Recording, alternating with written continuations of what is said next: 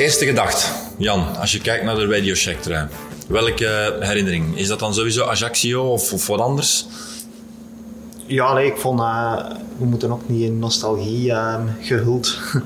Hier alleen maar truien van, uh, van minstens 40 of 50 jaar geleden gaan opdissen. Ik, ik vind ook dat er nu best mooie truien zijn. En ik prijs mij nogmaals gelukkig dat ik nu kan koersen in een trui uit synthetische stoffen die snel drogen, die ademen en zo. En geen ja, wollen, wollen trui als dat nat werd. Dat moet verschrikkelijk vervelend geweest zijn om aan te hebben.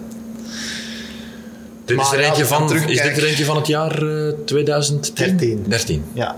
Als ik dan terugkijk op, op, uh, ja, op mijn eigen carrière, denk ik wel dat deze de mooiste trui is die, ik, eh, die ik zelf heb gedragen. Dus vandaar deze, de reden om die ertussen te steken ook. Ja, ja, wit maakt het natuurlijk altijd wel wat soberder op een of andere manier. En dan mhm. zeker met van die horizontale banden erbij. Dat, dat uh, doet altijd denken aan nationale kampioenentrui enzovoort enzovoort. Uh, dit is een van Fabian Cancellara. Hoeveel seizoenen ben je ploegmaat geweest van hem? Twee dan, hè. Ja. Had je daar nou contact mee?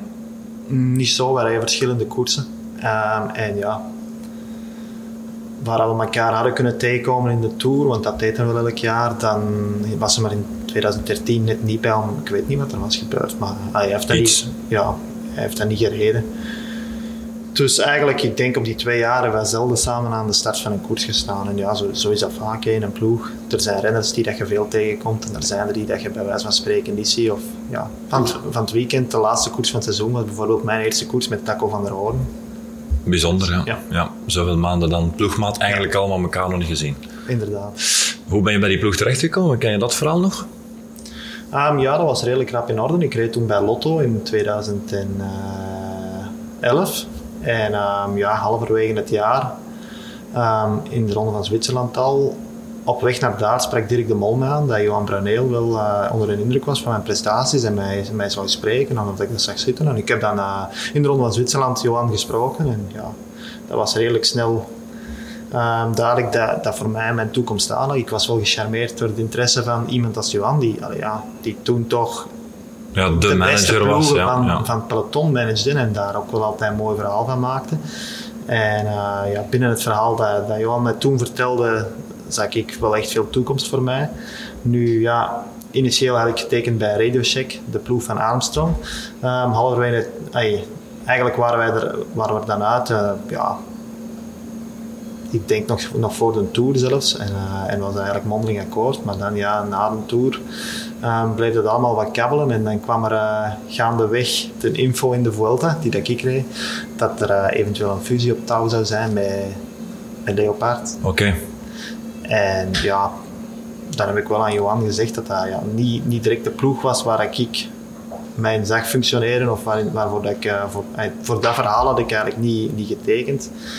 Um, en ja, er was toen ook uh, de splitsing tussen Koeken en Lotto, waardoor dat we eigenlijk aan de ene kant Koeken kregen die bij Patrick ging en ook financiële man Geert Koeman ja. meenam naar, ja. Naar de ploeg van Patrick Lefevre. En aan de andere kant bleef uh, Lotto over. Dus ik zei, ja, ik kan bij eigenlijk al die twee ploegen ook terecht, um, Johan. Dus als je, want Johan had coureurs te veel op dat moment. 40 man onder contract. En hij moest er uh, hij moest 40 hebben, denk ik. Ik zeg, als je, als je van mij afvult, kijk, ik, uh, ik kan wel... Ik, ik vind nog wel iets. Debrouiller. maar uiteindelijk zei hij, nee, nee, dat wil ik absoluut niet. Je moet deel uitmaken van deze project. Dus we hebben dat afgesproken en dat gaat zo zijn. En ja, heb daar dan bij die ploeg uh, gekomen. In het eerste jaar liep dat wel moeilijk, niet speciaal voor mij, maar allee, je zag dat dat wel een, een fusieploeg was ergens. En ja, dan blijfde zo vaak twee, twee kampen, kampen ja. En dat was hier. Dan had je het kamp van de Sleks aan de ene ja, kant. Ja, Sleks Cancellara, het kamp Leopard en eigenlijk het kamp uh, Radio, Radio Shack. En ja, ik was dan eigenlijk nog een derde eiland erin, want ik behoorde bij eigenlijk geen van de twee initieel, omdat ik uh, met geen van die twee ploegen echt uitstaand zat. Maar ja, dat is toch allemaal uh, snel en vlot verlopen. Was er nog contact met Armstrong in die periode? Nee, die was die was gestopt. Die was weg en die, had, allee, die kwam ook een kijkje meer nemen als de slechte schoonmoeder, bij wijze van spreken. Die was er echt helemaal los van. Daar heb ik uh, nooit nee, iets van gemerkt. Um, was je gecharmeerd omdat je net de naam van Johan Bruineel hebt laten vallen? En dat is natuurlijk een persoon die verguisd is in het wielrennen, maar het is een man met veel kwaliteiten. Was je gecharmeerd door de manier waarop hij een discours kon voeren, waarop hij uh, een ploeg kon uh, sturen en, en naar de vuurlijn brengen? Ja, persoonlijk, toen ik daarmee sprak, ik was toen ook in het begin van mijn carrière, had ik wel de indruk dat hij een duidelijke visie had waar dat hij met mij naartoe wilde en, en uh, hoe dat hij mij wilde verbeteren. En dat en, was? Ja, dat, dat, moeten we niet, uh, dat moeten we niet per se nu uh, openbaar maken, denk ik. Maar ik, ik bleef achter met dat gevoel dat die ploeg mij ging, ging doen groeien. En, uh, Richting een soort klassieke renner voor, voor het Ardense werk of eerder voor kleine rondes? Of, of wat, wat, wat zag die dan niet aan? Of, of eerder uh, een, een, man in de trein van een toerwinnaar? Nee, dat zou je niet gelegen hebben, want Verheijen... Nee, um, ik zeg het, uh, ik denk niet dat we dat nu, nu moeten bespreken, maar... Jan, je ik, waarom zo geheimzinnig? Wat, wat is daar zo verkeerd aan? Nee, ja, allee, als ik daar voor de gewone radiocheck ploeg... Um, het verhaal was dat zijn budget beperkt was en dat er een paar jongeren waarin dat dan wel echt iets in zag, ja, daar verder mee wilde gaan werken om te proberen die carrière echt... Uh, naar een winnaarscarrière te, te brengen. Ja. En uiteindelijk is dat dus ook niet geworden, omdat ja, door die fusie kwamen we ineens met een overschot aan kopmannen terecht. Dus ja, werd dat ook niet echt 100% wat, uh, wat er vooraf, wat er vooraf gesproken was. was ja. ja. Uh, ik herinner me in deze trui ook nog wel, ik weet niet of ik jou eraan mag herinneren, um, ik herinner me een Belgisch kampioenschap uh, waar ik aan bezig was, waar ik denk jou nog geïnterviewd heb en ook Stijn de Volder. Aha. Waar, ja, jij volgens, ja, waar jij volgens mij ja, de been had om te winnen, om Belgisch kampioen te worden. Ja, dat denk ik wel, ja. Ja. Dat klopt. Hoe kijk je daarop terug, nu?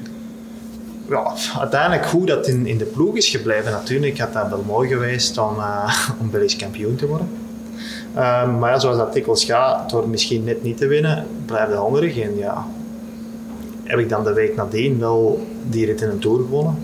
Dat is misschien nog wel net uh, iets groter ja, dan, uh, dan Belgisch kampioen, worden, wat uiteindelijk toch maar op Belgisch niveau is. En ja, allee, ik was content dat Stijn won, maar natuurlijk uh, denk ik dat Stijn ook wel voor een deel zijn overwinning aan mij te danken had. Ik heb de koerstof van vrij ver opgebroken met Thomas de Gent en ik denk... Jullie waren met drie weg, was dat dan met de Gent of was iemand van Quickstep? Thomas de Gent was daarbij en ja, ik weet eigenlijk niet wie de derde was. Ja, in alle geval, dat, dat brak de koers wel op, want toen wij teruggepakt werden, toen uh, schoot dat niet van die Nee, nee, het was een zeer attractief uh, BK, dat herinner ik me nog. En ik herinner me ook nog iets met een soort van, maar misschien is dat jou ontgaan, tussen een schakelprobleem of zoiets uh, in de slotfase. Ja, nee. Ja, dacht ik wel, ja, dat iets... Nee, nee, nee, nee. Dus, ja, schoot, ik denk dat 17 man uitrijdt en ze pakken mij dus terug, maar iedereen zat wel redelijk gaar op zijn fiets buiten de volder, die heeft daar aangevallen. En ik had nog altijd wel goede benen, maar ik zat daarachter ja, natuurlijk zelf wat vast. En uh, ja, ik heb dan eigenlijk alles wat gaan terughalen en nooit overgepakt. De volder had dan ja, heel veel voorsprong uiteindelijk. En daarachter uiteindelijk uh, versnippert dat nog een beetje. En ja, dan was Gianni Meersman die mij de sprint klopte voor de tweede plaats. Dus ja, ik was derde. Gianni Meersman, ja. die zocht ik. Um, heb je ooit de benen van die twee, drie weken nog teruggevoeld? Oh, twee, drie weken, dat duurde wel wat langer. Zeg. Uh, op het einde van de tour was ik nog derde in de Grand Pornaal. Vier weken, uh, vijf weken of misschien... de, de, de Eneco, ay, toen nog Eneco Tour, had ik eigenlijk ook op het podium moeten staan. Als, de, als dat niet een beetje flauw werd gedaan met zo'n breuk in de sprint van een of andere typische levensgevaarlijke Eneco Tour aankomst, waardoor dat mij eigenlijk een podium 10 seconden wordt aangesmeerd voor iets, ja, gewoon omdat je niet wilt vallen. Um, de benen van dat jaar, laten we ons daarop houden. Ja, het jaar nadien toch ook wel uh, degelijk. Een Tour ietsje minder. Allee, toen won ik vlak voor de Tour een rit in de Dauphiné. En allee, voelde ik mij heel sterk. Maar ja, ik ben naar de Tour gegaan. En daar direct twee keer tegen de grond in, in de tweede rit naar Londen, denk ik dat dat was. En ja, het was, het was net niet altijd. Ik, ik had niet die frisheid die dat ik een jaar eerder wel had. Dan moet ik ja. Uh, zit je nog altijd even graag op je fiets als toen? Ja, ik zit nog graag op mijn fiets. Maar ja, het is natuurlijk een feit, als je dat soort resultaten haalt, dat uh, dat, dat helpt om, uh, om er keer op keer... allee, dan, dan blijft er sowieso meer plezier om te sporten. je zit op een soort van elan, wat je weer naar... Op een wolk, ja, dat kun je wel zeggen. Ja. Wat je Ja, ook, eh, wat je ook vaak hoort, ehm, het, heeft niks, het heeft niks te maken met die trui van Radio Shack natuurlijk, maar eh, renners die richting het einde van hun carrière gaan, ja, dat ze bij wijze van spreken de honger groter en groter wordt, omdat ze weten, ja, die tijd wordt korter en korter. Heb je dat ook, ja? Dat, dat, dat je beseft hoe, hoe fijn de job is en dat je het liefst zo lang mogelijk wil, eh, wil houden? Ja, natuurlijk is het fijn, maar je moet ook. eh je moet ook voelen wanneer dat het moment is om te stoppen. En ja, het is, is een, een generatieconflict in de dop zeker. Ja. Zo'n sportcarrière, dat is in feite een, een professionele carrière.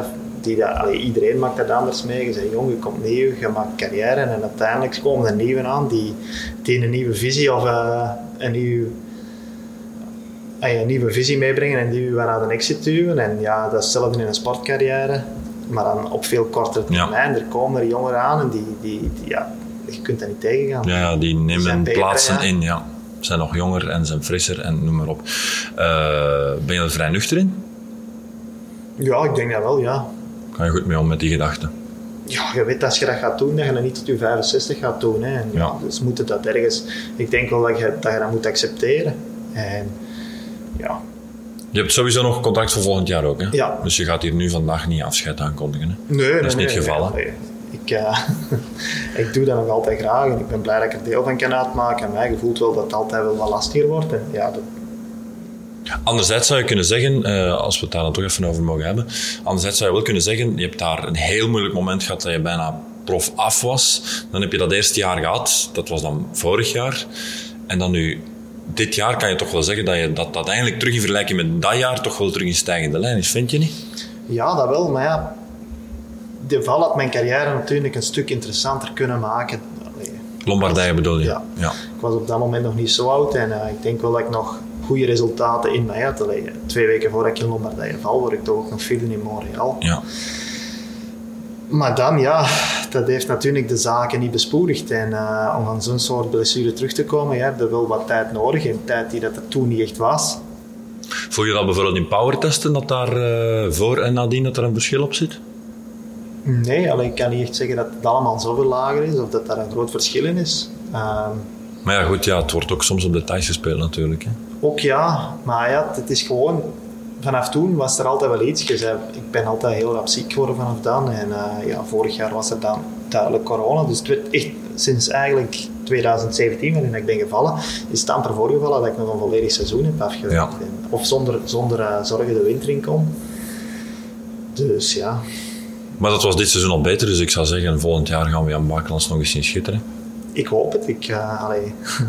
Ik zou Als we de Ronde van Drenthe veilig overleven, denk ik dat Ja. we al een goede stap hebben gezet naar Ik zou er niet te veel risico meer nemen als ik van jou was. Nee, nee, nee, zeker niet. Liever niet.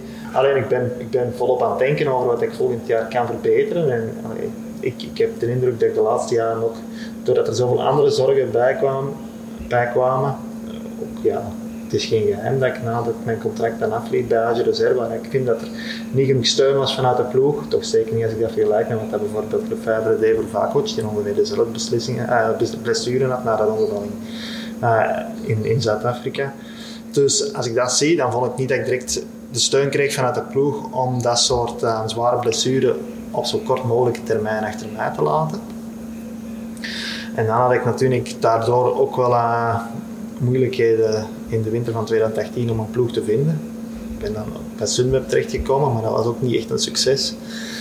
Eh, een ploeg die toch wat zoekende is, denk ik. En dat zien we de laatste jaren effectief wel exploderen. Dus ja, dan uiteindelijk weer eh, problemen gehad om een ploeg te vinden. Want ja, hoe minder dat je presteert en dan Hoe zo'n moeilijker het is, ja. accident in de voorgeschiedenis. Ja, iedereen stelt zich vragen bij de fysieke paraatheid. Nu denk ik dat die wel weggenomen zijn bij, Wacht, we gaan hem toch niet te ver weg. bij Wanti, maar eh, ja, er, er, was, er was altijd wel iets. En kijk, ik denk daarom dat ik de laatste jaren, doordat ik zoveel met randzaken moest bezig zijn, of doordat het fysiek met, met ziektes en zo eh, niet echt liep wat het was, dat ik de trein wat gemist heb naar wat er technologisch eh, of, of fysiologisch in, in, fysiologisch, in de fysiologie aan vooruitgang is, ge- is dat gebeurd.